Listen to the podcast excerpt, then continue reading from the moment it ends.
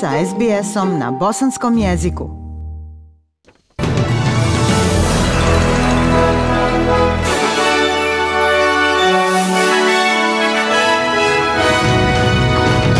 današnjim vijestima poslušajte odobrene humanitarne vize za Ukrajince koji su stigli u Australiju.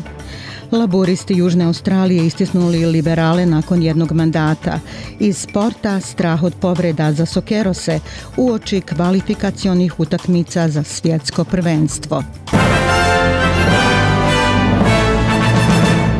Slušate vijesti SBS radija na bosanskom. Australija će ponuditi privremene humanitarne vize izbjeglicama iz Ukrajine. Savezna vlada već je obezbijedila 5000 viza, a premijer Scott Morrison kaže da će ljudi koji dolaze iz Ukrajine pod različitim klasama viza, uključujući vize za kvalifikovane radnike, porodične i turističke vize, dobiti priliku da dobiju humanitarnu vizu. U svim ovim slučajevima kada stignu u Australiju stavit ćemo im na raspolaganje privremenu humanitarnu vizu. Ova viza će važiti tri godine. Oni će imati mogućnost da se prijave za druge dugoročne vize ako to žele.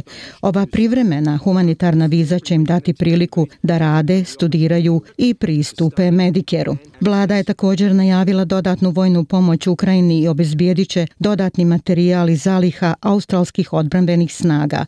Australija će donirati najmanje 70.000 tona termalnog uglja za snabdjevanje energijom u Ukrajini, a zabranila je izvoz glinice i ruda aluminijuma u Rusiju. Ova mjera je osmišljena da ograniči kapacitet Rusije za proizvodnju aluminijuma, koji je jedan od kritičnih ruskih izvoznih proizvoda. Rusija se oslanja na Australiju za skoro 20% svojih potreba za glinicom. Britanski premijer Boris Johnson kaže da je od vitalnog značaja da ruski lider Vladimir Putin ne uspije u Ukrajini rekavši da bi pobjeda dala zeleno svjetlo autokratama u svijetu.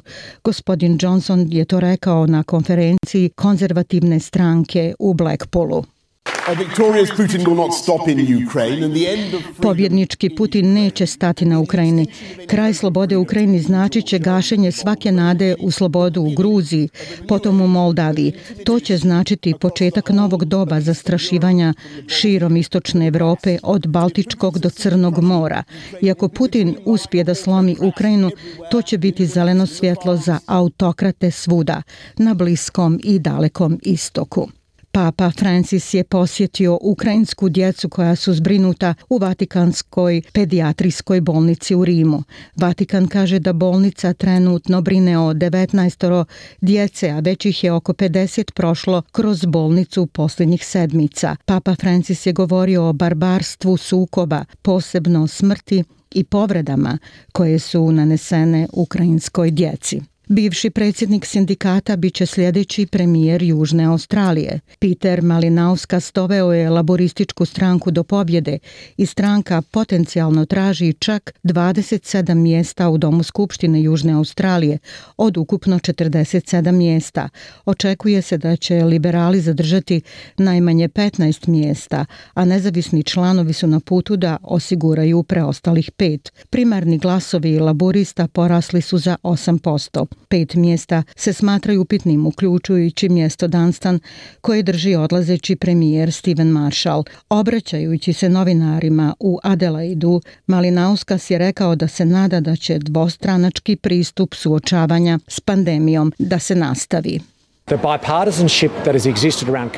Dvostranačje koje je postojalo oko politike prema COVID-u je nešto zašto se nadam da će se održati bez obzira da li Steven Marshall ostane lider liberala ili neko drugi zauzme njegovo mjesto.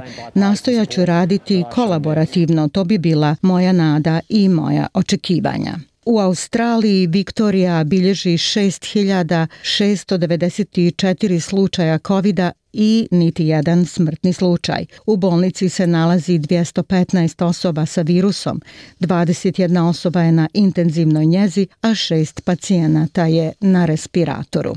Uoči dana harmonije koji se obilježava 21. marta još 1281 ime dodato je nacionalnom spomeniku migracijama u Australskom nacionalnom pomorskom muzeju u Sidneju. Spomenik odaje počast migrantima koji Australiju sada zovu domom, a svake godine sve više imena je ispisano na zidu obloženom bronzanom pločom. Sadrži više od 30.000 imena iz preko 200 zemalja, a po prvi put su upisana imena iz Afganistana, Gabona, Sierra Leonea i Somalije. Iz svijeta vijesti, obalska straža Tunisa pronašla je tijela 12 neidentifikovanih migranata. Tuniski forum za ekonomska i socijalna prava, koji pomno prati migracije, kaže da su se migranti utopili u brodolomu kod obale Tunisa dok su pokušavali da pređu u Sredozemno more do obala Italije. Najmanje jedna osoba je poginula, 50 kuća uništeno, a stotine ljudi evakuisano zbog šumskih požara koji uništavaju hiljade hektara centralnog Teksasa. Guverner Teksasa Greg Abbott kaže da jaki vjetrovi doprinose izazovima.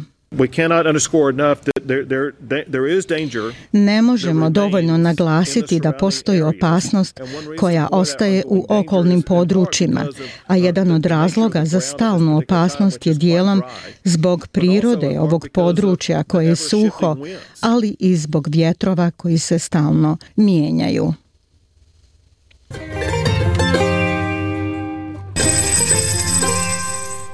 Prema kursnoj listi australski dolar danas vrijedi 0,74 američkog dolara, 0,67 eura, 0,56 britanske funte i 1,31 bosanske konvertibilne marke.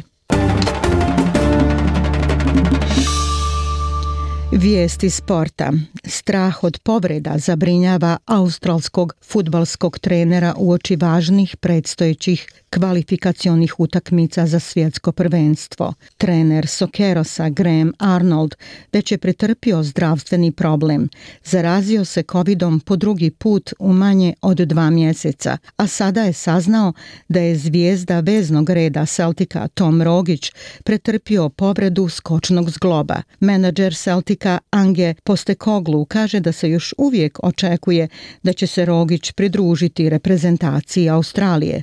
Bivši trener Sokerosa kaže da Rogićeva povreda ne izgleda previše ozbiljno i da može iskoristiti pauzu da se oporavi i uhvati korak sa suigračima iz Australije. To je jedna od onih karakterističnih povreda na treningu. Ne brinem previše. Mislim da je to za njih sjajno iskustvo. Da napuštaju klub da bi otišli igrati za reprezentaciju. Da pobjegnu iz istog rutinskog klubskog okruženja. Pred nama su važni mjeseci i želimo ih osvježene i spremne za odlazak.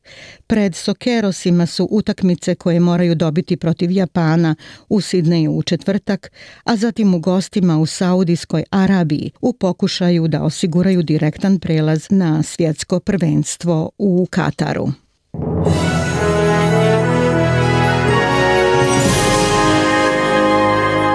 I za kraj vijesti poslušajte temperaturne vrijednosti za veće gradove u Australiji.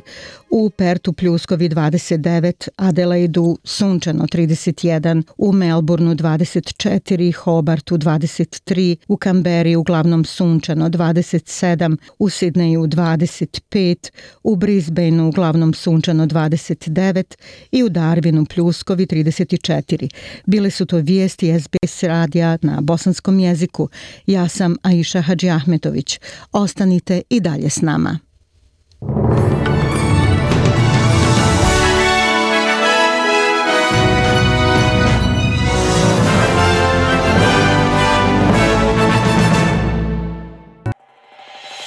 SBS na bosanskom. Podijelite naše priče preko Facebooka. Želite poslušati još ovakvih priča? Slušajte preko Apple podcasta, Google podcasta, Spotify ili kako god da primate svoje podcastove.